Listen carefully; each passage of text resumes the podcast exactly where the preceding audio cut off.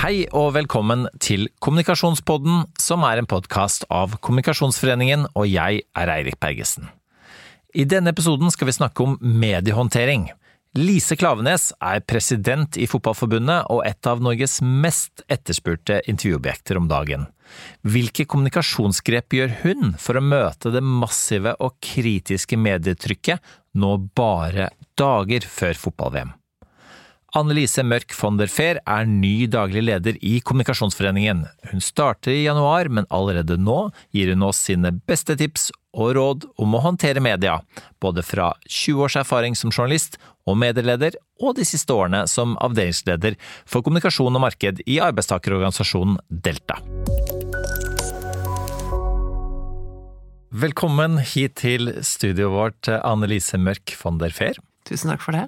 Du er jo rett og slett ny daglig leder i Kommunikasjonsforeningen. Og eh, du er ikke i gang med jobben enda, det er i, først ved årsskiftet. Mm. Hva føles det?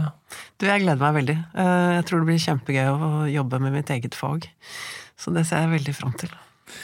Det er eh, ja, det var litt sånn tabloidspørsmål. Hvordan føles det? Det er ikke alltid like lett å svare på. det føles uh, veldig godt og veldig spennende. Og så er det må jeg innrømme at det også er trist å skulle forlate Delta, som jeg har jobbet i seks og et halvt år, og med masse hyggelige folk uh, i administrasjonen og blant tillitsvalgte. Så det, det blir en overgang, men uh, jeg tror den blir bra. Og der har du vært avdelingsleder for kommunikasjon og marked. Det stemmer. Men før det så har du 20 års erfaring som journalist. Du har vært leder i eh, norsk presse, bl.a. Eh, i VG. Da var du nyhetsleder og korrespondent i Storbritannia. Og du har også vært ansatt representant i Skipsteds konsernstyre, så du har jo veldig lang mediebakgrunn med deg. da. Og det passer veldig godt til eh, dagens tema, som er hvordan man håndterer media. og hvis du tar den biten der, for ofte sier man sånn ja, men du må tenke som journalist når du er kommunikator og skal ut med et budskap. Men hvordan gjør man egentlig det? Du, det er egentlig, um, egentlig ganske lett. Det er um, Hvis du skulle lagd en sak på dette her, da. Um, at jeg skal delta i en podkast, og jeg skulle fortalt det til noen så ville jeg ikke begynt å fortelle med at eh, du, nå skal du høre at det er sånn at jeg har blitt ansatt som daglig leder i Kommunikasjonsforeningen etter at jeg har vært seks år i Delta og 20 år i norsk presse. Jeg vil begynne med å si at du, jeg skal delta i podkasten til Kommunikasjonsforeningen i dag, jeg. Eh, og jeg tror det er noe av kjernen. Du må fortelle en historien som om du skulle fortalt den til naboen over gjerdet. Hva, liksom hva ville du begynt med da? Det kan ofte være en god pekepinn på hvor du skal begynne hvis du skal eh, tenke som en journalist. da. Hva er det mest interessante? Og nå brukte du begrepet historie, å fortelle en mm. historie. Mange tenker at man skal bare få fram masse fakta, og så til sammen så blir det kanskje en historie. Men er det liksom feil ende å starte? Ja, det vil jeg si. For du bør tenke gjennom hva er det du vil fortelle, eh, og hvordan vil du fortelle det. Eh, og da kommer fakta inn. Eh, etter hvert, ikke sant? for det fakta skal underbygge saken. Eh, men det viktigste er egentlig hva, hva, er det du vil fortelle, hva er det du vil med media? Hva er det du vil med denne historien ut, og hva vil du oppnå? Vi hadde en, eh, i, I Delta så er vi veldig opptatt av at helsefagarbeiderne kan gjøre ganske mye jobb. Vi er opptatt av såkalt oppgavedeling, som man kaller det i bransjen vår. Da. Så rett og slett at helsefagarbeidere kan gjøre en god del arbeid som sykepleierne i dag gjør for å avhjelpe sykepleierkrisen i sykehusene. Og da begynner vi med det. At, altså, at her helsefagarbeideren kan gå inn og gjøre, kan lette på sykepleierkrisen. Og så må vi begynne å dokumentere med hva er det helsefagarbeiderne faktisk kan gjøre, og hvor få er det i sykehusene, og hvor stort er potensialet, og hvordan har utviklingen vært de siste årene. Jeg snakker om dette fordi dette er en sak vi solgte inn til Aftenposten eh, i, i desember. Brukte en måned på å få det på trykk. og Det var en vi har nesten ikke tall på mange e-poster og telefonsamtaler eh, og SMS-er som gikk mellom vår kommunikasjonsmedarbeider og Aftenpostens journalist for at de skulle få faktaene og alt på plass for å kunne fortelle den historien som ble en kjempefin tosider. Så måtte de selvfølgelig ha et case. Du må ha et ansikt som illustrerer det du vil, eh, vil fortelle. Ja, fordi den eh, relasjonen mellom journalisten og den som skal svare på spørsmålene Her er det jo to litt forskjellige interesser ute og gå. Hvordan er det man på en måte klarer å, å sikre at man som kommunikator da, eh, får forståelse for eh, sin historie? Du må jo altså Det er to måter å, å, å kontakte, eller forholde seg til media på. Den ene måten er når media tar kontakt med deg og vil fortelle en historie, og den andre er når du tar kontakt med media og, og vil fortelle en historie. Um, og hvis vi begynner med, med den siste, da, så er det jo ville jeg jo begynt med å kontakte journalisten og si at du, øh, vi har en sak som vi tror kan være interesse for deres lesere. Det dreier seg om sånn og sånn og sånn. Og så vil ofte journalisten spørre spørsmål, for de er ute etter å vite om det er noe nytt om det er noe som ikke er kjent fra før, om det er, en, eh, er noe som er eh, overraskende, oppsiktsvekkende, eh, eller som, hvis det er en pågående debatt, som kan være interessant å komme noen nye momenter i en pågående debatt. Så man må ha på en måte en dialog fram og tilbake, og, og, da er det man kommer med fakta, ikke sant, for å få, få for å få oppmerksomhet om det man er opptatt av. Og så er det jo altså, du, må, du må skape en forståelse for den historien du vil fortelle, men det er jo journalisten som til syvende og sist bestemmer hva de opplever at er mest interessant for leserne å lese om i den saken. Så du kan ikke styre en journalist, men du kan, det du kan styre, er det du leverer til journalisten. Eh, og den historien du forteller, og du må være trygg på at de, det du forteller, er godt nok. Og ofte er det det. Og når journalisten ringer kanskje med en vinkling du ikke kjenner deg igjen i, eh, hva, hva, gjør man da for å sikre at historien blir fortalt mer i, i den retningen man selv ønsker? Eh, jeg tror det beste rådet er at du må kjøpe deg litt tid. Du må finne ut av hva er det journalisten vil, eh, og hvilke spørsmål har vedkommende. Og så er det da lurt å, å, å si at du, vet du, jeg er litt opptatt akkurat nå, men jeg, jeg, ringer deg tilbake igjen. Og så har du ikke en dag på deg. Altså, du må gjøre det. Og spør gjerne om det. Altså, hvor, eh, hvor fort må du ha svaret fra oss? Um, og da får du ofte litt tid på deg, rett og slett til å finne ut av hva du skal svare. Jeg hadde en sånn opplevelse da, da jeg var uh, klubbleder. Jeg var leder for journalistene, tillitsvalgt for journalistene i VG, og så gikk konsernsjefen i Skipsted av. Og jeg hadde fridag og stod hjemme og skulle organisere 40-årsdagen min og bakte kaker, og så ringte um, jeg tror det var E24 som ringte meg og spurte om uh, hva jeg mente om uh, en ny konsernsjef, og da sa jeg at nå er det viktig at Schibsted får en konsernsjef som forstår verdien av kvalitetsjournalistikk. Og det Flins fortsatt kun i papiravisen og ikke på nett. Dette var i i 2009, så er det en god stund siden. Og det Jeg tenkte meg ikke om, da. Jeg tok ikke de fem minuttene som jeg burde ha gjort, og det resulterte jo i sånn derre Å, sa hun virkelig det? Og, og Skipsted konsernsjef sjokkert over VGs klubbleder, og overskriftene i, i, nettavisene, da. Og så ringte han som hadde vært klubbleder før meg og sa du, Annelise, uh, skjønner du hva du har sagt, eller? Nå er VG nettjournalistikk ganske opprørt. Og da skjønte jeg at ok, dette hørtes ut som jeg liksom nedvurderte mine kolleger i VG-nett, så jeg måtte jo ringe og snakke med klubblederen der og fikk forklart at uh, det dreide seg om ressurser og ja. Og, og, da var det jo sånn at i papiravisen så var det der man hadde tid til å grave og jobbe over lengre tid med saker, mens på nettet så hadde man ikke samme, de samme ressursene. Så jeg var jo inne på et poeng. men jeg fikk rydda opp i det, men, uh, men da hadde det vært lurt om jeg hadde sagt du, jeg ringer tilbake om en liten stund, og så tatt en telefon og spurt du, hva er lurt at vi går ut og sier nå? Og det husker jo jeg fortsatt, men det er jo ingen andre som husker dette. Men jeg husker det veldig godt. jo, Og så er det også dette med eh, Hvis du hadde måttet sette gjennom alle sitatene dine, kanskje du hadde klart å mase deg til å se noe mer også, så ville du kanskje ha, ha sett Oi sann, dette kan fort bli misoppfattet. Mm. Eller noen ønsker å Det er jo noen som ønsker å misforstå med vilje der ute også.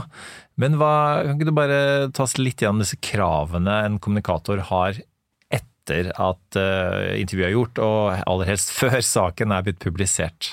Altså, Det jeg ville gjort, var å be om, uh, når journalisten ringer um, Ok, hva, hva, er saken, hva er det dere er opptatt av, um, og hva er spørsmålene dere kommer til å stille? Så kan du ikke forvente å få alle, men du må på en måte få hovedretningen som journalisten er ute etter.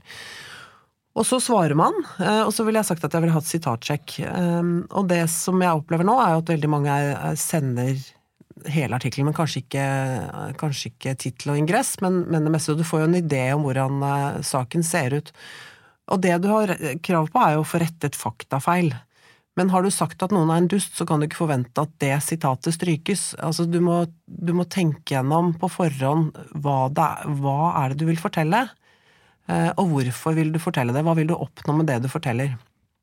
Uh, og så må du på en måte stå for det du har sagt, da.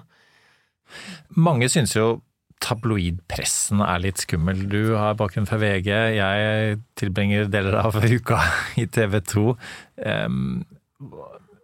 Er tabloidpressen skummel, eller er det noe ved det tabloide som måte ikke er så dumt når man skal ut og kommunisere selv? Altså, det som God tabloidjournalistikk, det er jo at man forklarer og bruker altså et språk som gjør at folk skjønner uh, hva historien er. Um, og ikke er full av fagsjargong, som veldig mange bransjer er. Altså man, man, og det også, handler jo også om at man skal huke leseren, uh, og få leseren til å komme, bli med gjennom historien man forteller. Og da må man bruke noen virkemidler for å få, huke tak i leseren. Vi vet jo at folk Du har utrolig kort tid på deg, bare snakk om noen sekunder, for å vekke interessen til å få folk til å faktisk stoppe opp og begynne å lese. Så du må bruke noen enkle virkemidler, eller virkemidler for å huke leseren. Men så er jo god tabloidjournalistikk også sånn at du har fakta. Og altså, du skal når du er ferdig med å lese saken, ha lært noe nytt, eller fått, fått vite noe du ikke visste fra før av. Så det er stort rom for å ja, for å få inn fakta, for å få inn utdypninger, få inn ulike sider. og Det er også tabloidjournalistikken. Den skal jo ha fram ulike sider av en sak. Så det, det er ikke Altså, det er mye, veldig mye bra med, tabu, med tabloide virkemidler, da, vil jeg kalle det. Det å forenkle og, og tydeliggjøre budskapet. Og så er det det om tabloidjournalister er, er skumle Altså Jeg opplevde i hvert fall at VG var utrolig redelige, og vi var skikkelig på at det skulle være Folk skulle altså bli sitert på det de faktisk sa. Eh, og i forhold til folk som ikke var vant til å være i media, så hadde man jo en stor forståelse for det, og, en, og brukte tid på å trygge dem, og at de skulle få lov til å fortelle sin historie. Eh, men så er det klart at maktpersoner som er vant til å bli intervjuet ofte, de vil jo bli måtte blir stilt litt strengere krav til, eller uh, man har ikke den samme Altså, du, du, på en måte, du forventer at de vet De er så vant til å være i media at du forventer at de, de vet de, hva de skal si, og hva de ikke skal si, uh, og svare på spørsmål. Og det ser man jo også hvis man begynner å, å lytte når man uh, Eller ser når man ser på TV 2, eller når man leser i avisene, så ser man at, at erfarne kommunikatører, eller folk som er vant til å være i media, de vet hvordan de skal håndtere det, mens de som ikke er så vant til det, de, de får ofte en, en større raushet, det opplever jeg, altså, i, i møte med journalisten. Mm. Jeg skal ta på meg litt mediehatten selv her også, og bare bekrefte at også i TV så man vil jo at et godt intervju er et intervju intervjuobjektet også kommer godt ut av det. Mm. Eh, så det er også bare til de som lurer på det, så er det veldig ofte eh, så er det også et poeng i tabloid TV eh, å gjøre intervjuobjektet trygg på premissene og vinklingen på mm. saken på forhånd, og også diskutere det de eventuelt syns er problematisk mm. på forhånd. Men akkurat når det gjelder det, da, Annelise, dette med den relasjonen til journalisten, gjerne i intervjusituasjoner, kanskje til og med før, ved, ved, innsalget. Eh, kan du si litt om hvordan man kan um, sørge for at den er best mulig? Jeg vil jo, Hvis man jobber i altså Vi som kommunikatører jobber i ulike bransjer. Jeg ville fulgt med på hvem er det som skriver om den bransjen som jeg representerer, og hvordan jobber den journalisten. Og så um, ville jeg tatt, sånn som vi gjør det, da, at jeg tar kontakt med, med Aller helst ønsker jeg å ringe og så si hei, du, vi har en sak som vi tror kan være interessant for dere. Eh, det er sånn og sånn og sånn og sånn, og så sier gjerne journalisten at ja, du, dette kan uh, høres interessant ut. Uh, eller så sier de nei, dette er ikke noe for oss.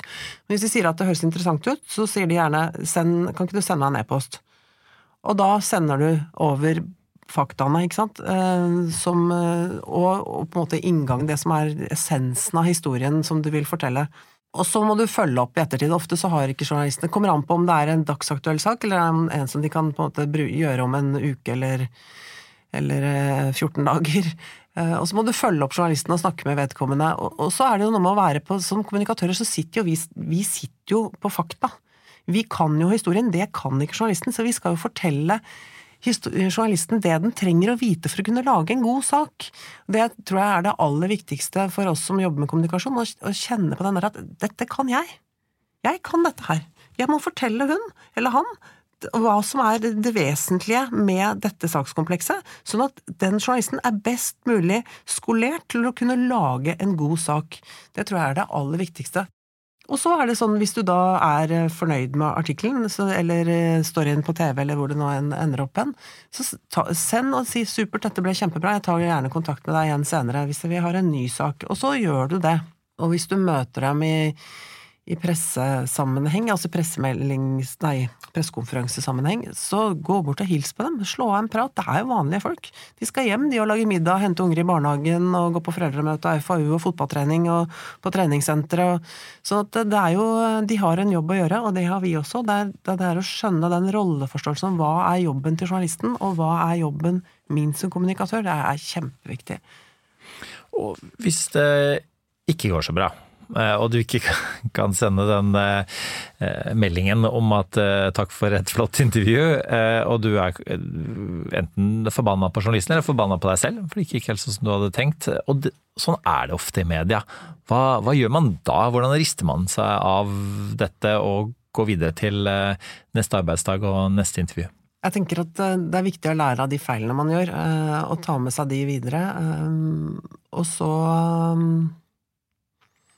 kommer litt an på hvilken relasjon du har til journalisten, da, men det går jo an å også ringe og si også at eh, vet du hva, her syns jeg du bomma, eller dette ble ikke sånn som vi snakket om på forhånd, dette ble noe helt annet. Eh, dette syns jeg er krevende. Eh, hvorfor ble det sånn? Det går an å spørre. Og hvis man opplever at Altså, det, det er jo gode journalister, og, og, journalister som ikke er fullt så gode, akkurat som det er i alle bransjer. Og hvis du for dårlig erfaring med en reporter, så la være å ta kontakt med vedkommende neste gang. Finne en annen å snakke med isteden. Mm. Du nevnte i stad dette med ulike fagfelt kan slite litt med fagsjargong. Kan det også gjelde kommunikatorer? Nå er jeg på jakt etter et lite oppslag her, som du hører. Ja, selvsagt kan det det. Vi er jo eh, vi er jo et virkemiddel for den virksomheten vi jobber i, ikke sant, og for. Eh, og, det er mye fagspråk, og jeg er veldig, veldig opptatt av det. Fordi at det er fremmedgjørende overfor de vi snakker til, hvis vi skal bruke media. Sånn at øh, Kaller man det et arbeidsredskap eller en spade? Jeg foretrekker spade. Eller som vi kalte det i UD, et interessant redskap i møtet mellom jord og luft. Og helt til slutt, eh, for å være ekstra tabloid, hvis du skal oppsummere noen av disse mange gode rådene til en sånn eh, topp, liten toppliste, hva vil du si er det aller viktigste for de som skal enten ringe til media eller ta imot en telefon fra media? Ja, jeg har fem små punkter. Det ene er at du må vite hva du vil med mediedekningen, enten det er media som kontakter deg, eller du som tar kontakt med media. Eh, og så må du bestemme deg for hva du vil fortelle, og så skal du fortelle det. Og så skal du ta regi, for det er du som sitter med kunnskapen om det fagområdet som media er interessert i, eller som du ønsker at media skal fatte interesse for. Og så skal du snakke så folk forstår. Rett og slett bruk vanlig hverdagsspråk. Eh, jeg for eksempel er allergisk mot, mot eh, ordet omforent. Hvorfor ikke bare si at man er enig, som et eksempel, og så be om sitatsjekk. Det er mine fem råd. Supert. Eh, tusen takk skal du ha, Annelise, og lykke til i jobben din fra januar. Jeg tror alle som var på høstseminaret fikk et veldig godt innsalg der.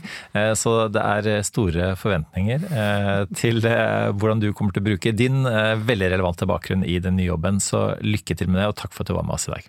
Tusen takk for det, og takk for at jeg fikk komme.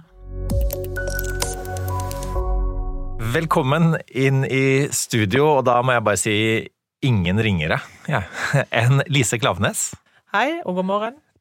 Du er jo, det vet alle, president i Norges eh, Fotballforbund. Du er også, det er kanskje ikke alle som vet, jurist. Eh, du har vært tidligere profesjonell fotballspiller selv. Ekspertkommentator, direktør for elitefotballen. I det hele tatt veldig godt forankra i fotballen, men også i media, vil jeg si. Og er spesielt da kanskje eh, trukket fram når det gjelder dette med menneskerettigheter. Nå har vi et VM i Qatar bare om noen få dager, og har en veldig profil på det. Vi skal snakke litt om det, vi kan ikke unngå det. Men jeg skulle begynne med en liten bekjennelse. Altså, halvannen uke siden så sto jeg på Ullevål og ropte Hater, hater, hater NFF. Da var, var du en av de? Ja, beklager det. Og det var cupfinalen for kvinner. Jeg sto med Brann-gjengen, og det var et veldig urettferdig hjørnespark til Ja. Stabæk. Ja. Av en ellers veldig god dommer. Og da er det NFF man hater? Da Ja. er det NFF. Så beklager det. Ellers syns jeg dere gjør en god jobb med Qatar, men det er en veldig vanskelig jobb. Det skal vi komme tilbake til.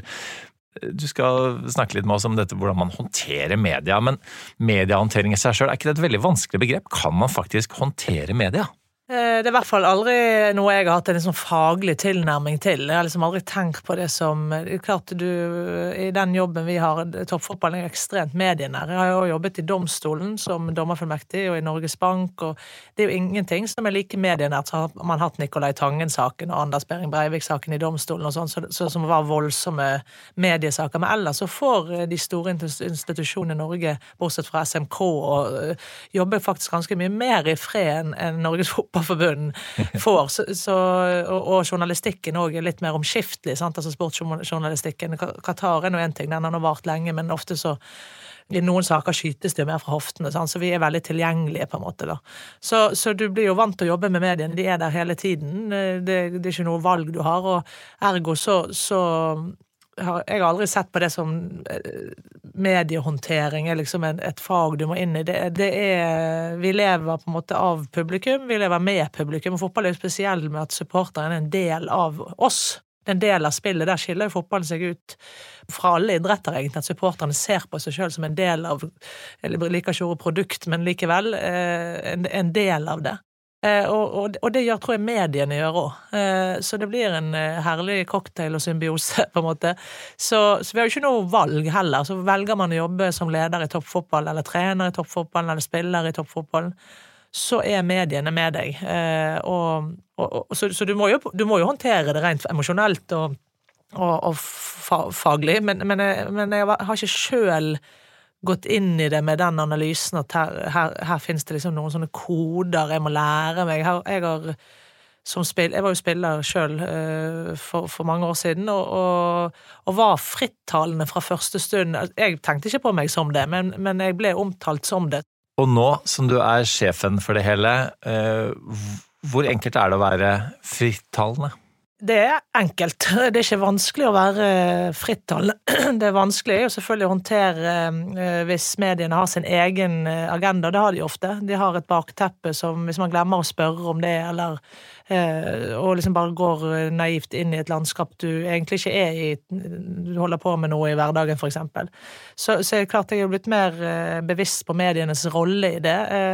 Og min jobb er medienes logikk, ikke min logikk. Min jobb er å styre Norges Fotballforbund sammen med styret. Og, og medienes logikk er en annen, og jeg respekterer den, og, og jeg forstår den òg. No, noen ganger syns jeg den er for hva skal jeg si, for langt fra vår. Jeg mener jo at mediene, hvis de skal speile der vi er, så, så, og det er ikke en avsløring man har på gang, så, så, er det jo nyttig å være der vi er. For det er der, det er jo der vi er. Det er jo oss vi, som skal speiles. Våre problemstillinger. Og ofte så er det en eller annen Hvis, det, hvis mediene mener at her er det ro, så, finner man på en måte noe annet, men som ikke er så viktig. Altså, det, det, er jo det er på en måte bransjen sjøl som vurderer det. Og så opplever jeg noen ganger at mediene er opptatt av å sette agendaen, selv om den ikke satt seg sjøl, selv, selv om det var en kjent problemstilling. Men, men det er på en måte greit, og, og, vi som sitter i posisjon, kan ikke være de som vokter hva som er viktig å sette søkelys på, for vi må, vi må være utsatt for maktkritikk. Det er veldig viktig at vi er det. Så, men i min rolle, så er det, og i alle lederjobber og medieutsatte bransjer, så er det veldig viktig å være bevisst på å jobbe med at medienes logikk er ikke det er ikke min logikk. Hvis mediene spør meg etter vi har tapt 8-0 mot England, har Martin Sjøgren tillit, så er ikke det et spørsmål jeg stiller meg den dagen der. Og da vil man jo ofte kunne komme i fare for at ja, men du snakker ikke sant, eller du vil ikke være åpen. Så nei, det er ikke en arbeidsgivers jobb. Det, det, er ikke god og etisk lederskap og, og, og den dagen du har tapt, å gå og vurdere en ansatts posisjon som går rett bak deg i TV-bildet. Da er det å stå sammen med vedkommende og faktisk vurdere hvordan det er etterpå, og selvfølgelig planlegge i forkant for kriser, og at det, de, når det står på. Og, men det er veldig logisk at mediene spør om det. Og da, og da, må man jo svare noe som ikke mediene liker. Sant? Så, så spørs hva man mener med frittalen. Sant? Det riktige Eh, da, da, vil jeg ikke inn i det tankehjørnet som medien vil ha meg, for jeg skal ikke være der. Jeg, de vurderingene jeg gjør den dagen, er ikke noe interessante for uh, sluttproduktet. Mm. Og, og, de vil kunne bli selvforsterkende sant, hvis jeg sier noe. Uh, så, som i den retningen. Men det er, ikke, det er ikke som med hvilken som helst arbeidsgiver, som for deg òg. Det er ikke sånn at i den dagen du opplever en krise, så går arbeidsgiver rett foran deg og, og svarer på hva, hvordan han analyserer det, eller hun analyserer det, før de har snakket med deg. Som et eksempel. Så, så, så, men jeg respekterer jo veldig at mediene spør om det, eh, for hvis jeg svarer på det, så, vil jo det være i seg sjøl kritikkverdig av meg, mener jeg, da. Så, så jeg vil si ja, jeg er frittalende, jeg svarer eh, ærlig på saker, og jeg eh, tenker at det ikke er så farlig om det blir feil, altså at det, at det, slår ut i en eller annen retning jeg ikke kontrollerer. Men jeg er bevisst på at uh, at jeg ikke bare går inn i et rom som, som jeg ikke sjøl har analysert. Da. Hvis mediene vil ha meg inn i et rom, så må jeg ta, be om tid for, og, og, på en måte gjøre oppmerksom på at det ikke er det jeg nå og styret nå holder på med. Så eh, det du også sier her, er at du, må, du, må vite litt om det rommet til media når du går inn i det. Altså Man må forberede seg litt på ok, hva er agendaen til journalisten i dette intervjuet, og hvordan er det man gjør det? Ja, det spør man jo, da. Eh, jeg, jeg, jeg, bruker ikke mye tid på det, for jeg tenker at det, det, det, er ofte jeg møter journalister uten å vite hvor de vil, og så spør jeg jo heller, hvis de spør om noe som jeg, som jeg ikke eh, forstår helt hvorfor de spør om, så sier jeg det, det vet jeg ikke. Det, må, det må du komme tilbake neste uke, eller så, så, så, jeg bruker ikke veldig mye tid på det, men det er klart, det kan man jo gjøre, da. Noen ganger gjør jeg jo det. Hvem, hva, er, hva, er, premissene for dette intervjuet? Hva er vinklingen? Er det liksom en, et kritisk stykke mot Norges Fotballforbund, eller er det en, en liksom faktainnhenting, eller eh, men, men, svarene mine blir ganske like uansett, og det, det, det er en uh, viktig planke for meg, da, at, at uh, jeg, må, jeg, må, på en måte Det høres banalt ut, da, men man må svare sant. Mm. Og man taper eh, innimellom fotballkamper. Det gjør jo alle lag, selv de som vinner eh, serien. Da står man og skal svare media. Og, ofte så spør media på vegne av eh, supportere som er frustrerte. Og da havner man veldig fort i situasjoner hvor det er på det negativt pressefokus. Hvordan, har du noen tips til hvordan man forholder seg til det? Jeg skal passe meg for å gi masse tips. Jeg var jo spiller sjøl, og jeg rotet meg inn i mange. Jeg svarte jo veldig ofte liksom det, det, på det mm, jeg ble spurt om, på en måte, når jeg var ung. Eh, det gjør jeg jo fortsatt, men da, da hadde jeg ikke de analysene. Så, så ofte ble jeg jo spurt om eh, Syns du treneren bør vurderes, eller i en situasjon der jeg mente at alt var ræva, alle må vurderes. Sant? Så, så ja, selvfølgelig må han det, og så ble det overskriften. Mm. Eh, og så jeg var, jeg var, i mange sånne situasjoner som, som ung eh, spiller, uten at jeg ønsket egentlig å sette det på agendaen, så svarte jeg ærlig på noe. Eller syns du at laget spilte godt i dag? Nei, vi spilte forferdelig dårlig, og uh, burde den og den kommet inn tidligere? Ja, liksom. Sant? Jeg svarte bare det som så, og så ble jo det kritikk mot trener eller forbund eller klubb eller eh, og, og, da fikk jeg oppleve sant, at det sårer veldig. Folk tar seg utrolig nær av det som kommer i mediene, uansett hvilken posisjon folk har. Altså Som yngre så svarte jeg jo veldig ofte på de spørsmålene jeg fikk eh, fra mediene, og det handler jo veldig ofte om enten noe som drar det tilbake i tid, eller fram i tid, og en konfliktsituasjon, da, sant? eller veldig begeistring, og det siste er jo ikke så farlig, men, men eh, du kan drite deg ut og se dum ut, liksom, for det blir veldig parodisk, eller, men, men, men det er mye verre hvis det er en konfliktsituasjon, sant? og som du egentlig ikke mener skal prioriteres over noe annet i en vanskelig situasjon. Du bare svarer på medienes premiss. Så da kunne jo ende opp i på en måte å såre en trener helt unødvendig, da. For det er klart, eh, som person så ønsker jeg å være en som tar opp ting face to face, eh, som alle mennesker bør i et lag. Så, og det er veldig viktig et prinsipp i et lag at man først tar opp ting face to face. Eh, så, så seinere i livet har jeg blitt mer bevisst på det at ja, jeg snakker alltid sant, jeg snakker fritt. Eh, jeg syns ikke det er så farlig om det blir litt vinklet den eller den retningen, men jeg er veldig varsom med å kritisere enkeltmennesker, eller svare på ting som har med enkeltmennesker å gjøre, før jeg har snakket med de om det.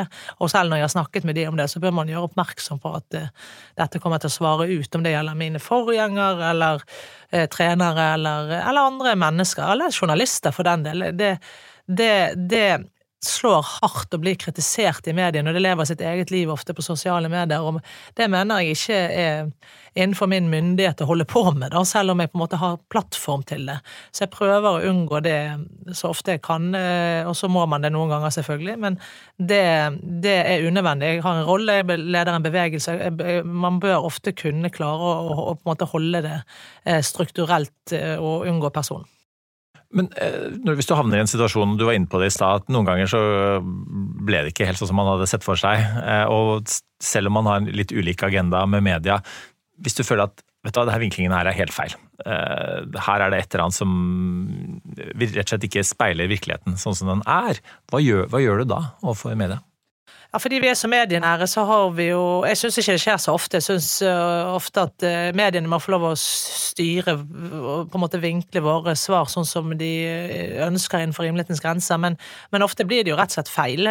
Og flere eksempler nylig, nylig et var at vi på et eller annet tidspunkt så var jeg i dialog med en journalist, og så spurte, spurte han meg skal dere til Doha, for det var vi vurdert litt fram og tilbake. Så svarte jeg ja, ikke så, men det, det var en nyhet. Det var en vurdering vi har gjort.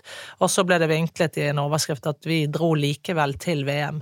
Og så ble det et kjør på min telefon med at uh, dette var dobbeltmoral, som om at vi skulle likevel være i VM. Mens vi drar jo ned, som vi har gjort mange ganger, for, i motsatt henseende, for å sette søkelys. Og det kan jo kritiseres at vi er der av rene politiske grunner og ikke fotballgrunner pga., men, men, det ble liksom vinklet motsatt. Og da, da uh, tok vår kommunikasjonsdirektør kontakt, og jeg sjøl òg, kontakt med mediene og sa at det, det er unødvendig. Det, det, vi får jo ordnet opp i det, men, men det skaper bare tid, og, og det, er unødvendig. Hva mener du med å få ordnet opp i det? Hva, hva endret overskrift. Ja, det, det, det, er ikke, det, er ikke, en sann overskrift at vi drar til fotball-VM. Mm. Eh, for vi skal ikke være på kampene. sant? så vi drar til Doha når det er VM, og så kan man synes det er semantikk. Men det er jo derfor det vinkles andre veien òg, fordi det blir oppfattet som at vi likevel deltar i VM. Eh, og det er jo derfor folk òg reagerer som de gjør. sant? Eh, og så ingen fare. Det er liksom innenfor det man må tåle, men, men, men det skal korrigeres, for det er feil. Eh, så det er litt sånne ting. Og så er det jo mer Jeg har hatt mange runder med portrettintervjuer, eksempel. Ofte stiller man jo opp for, fordi det er vanskelig å si nei. Man ønsker å, å være grei med, med folk som, som, eh, Det er kanskje ikke et eget behov for, for å være med på noe, men, men, man ønsker å bidra til åpenhet, og, og, en journalist er ivrig på noe. Og når det gjelder portretter, så syns jeg det er vanskelig å akseptere at det er journalisten som skal eh, sette det er, jo, det er, jo, jeg som forteller om noe, og, og der kan jeg ofte ha vært i situasjoner der ja, men det var sånn du sa det. Ja, men det er helt annerledes når det skal skrives. Altså det skrift, så da Enten så får jeg, må jeg skrive svarene sjøl, eller så må jeg få lov å korrigere det skriftlige. For, jeg, for meg er skrift, det skriftlige veldig viktig. Jeg syns det eh, skrift eh, Jeg liker veldig godt tekst. Jeg syns det er viktig at det er presist, og det er noe annet hvis jeg skulle skrevet svaret til deg nå, så hadde jeg vært mye mer opptatt av presisjon i ordlyden enn jeg når jeg snakker, for da kan jeg med tonefall og kroppsspråk, eh, selv om kroppsspråk er vanskelig, vanskelig på podkast, men eh, med, med tonefall og, og, på en måte ja, tonasjonen av det jeg snakker om, forteller noe. Så, og da har jeg noen ganger vært i noen sånne diskusjoner med, med mediene eller journalister som blir litt fornærmet. Det, da handler det jo bare om min egen forfengelighet, egentlig. At jeg ikke liker å bli fremstilt som en veldig sånn tøff dame. Eller, altså, liksom, det, nå spurte du meg, og jeg, det er ikke mitt selvbilde. Så, så, du må gjerne skrive en kronikk om at jeg er sånn eller sånn, men det er ikke det jeg svarer. Lise, nå, skal, eh, nå er det Qatar-VM. Eh, og det dere har hatt hele tiden, og fortsatt sikkert skal ha i Qatar-VM, er et veldig sammensatt budskap. Man skal også fra media sin side, det er vanskelig nok det òg, fortelle hele historien. Man skal snakke om det sportslige og det politiske. Det er ikke for og imot, det er ikke bare den ene siden eller den andre siden. Hva er strategien for å prøve å få fram nyansene i en så vanskelig sak?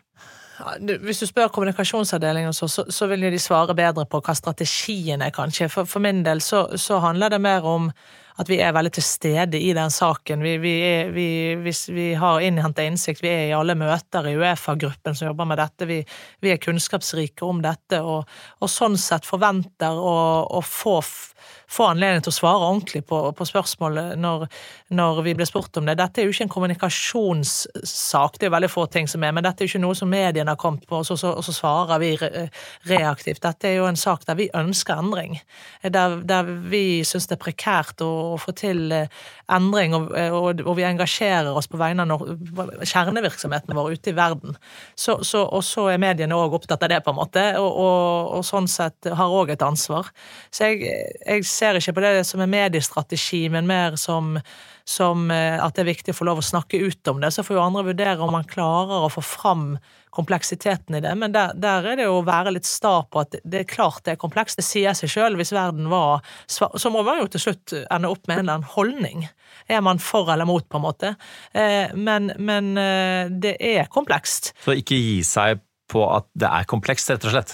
Ja, altså Når vi står og har et ansvar og ønsker å påvirke, så må, så må vi jo være med og, og, bygge broer som har ender på begge sider. på en måte. Og det, det, tror jeg alle egentlig skjønner, uten å gå på kompromiss med vår egen integritet og, og budskap. Og da, ja, da, handler det om å, for, for min del i hvert fall, å, å, være opptatt av å få nok tid til å snakke om noe på.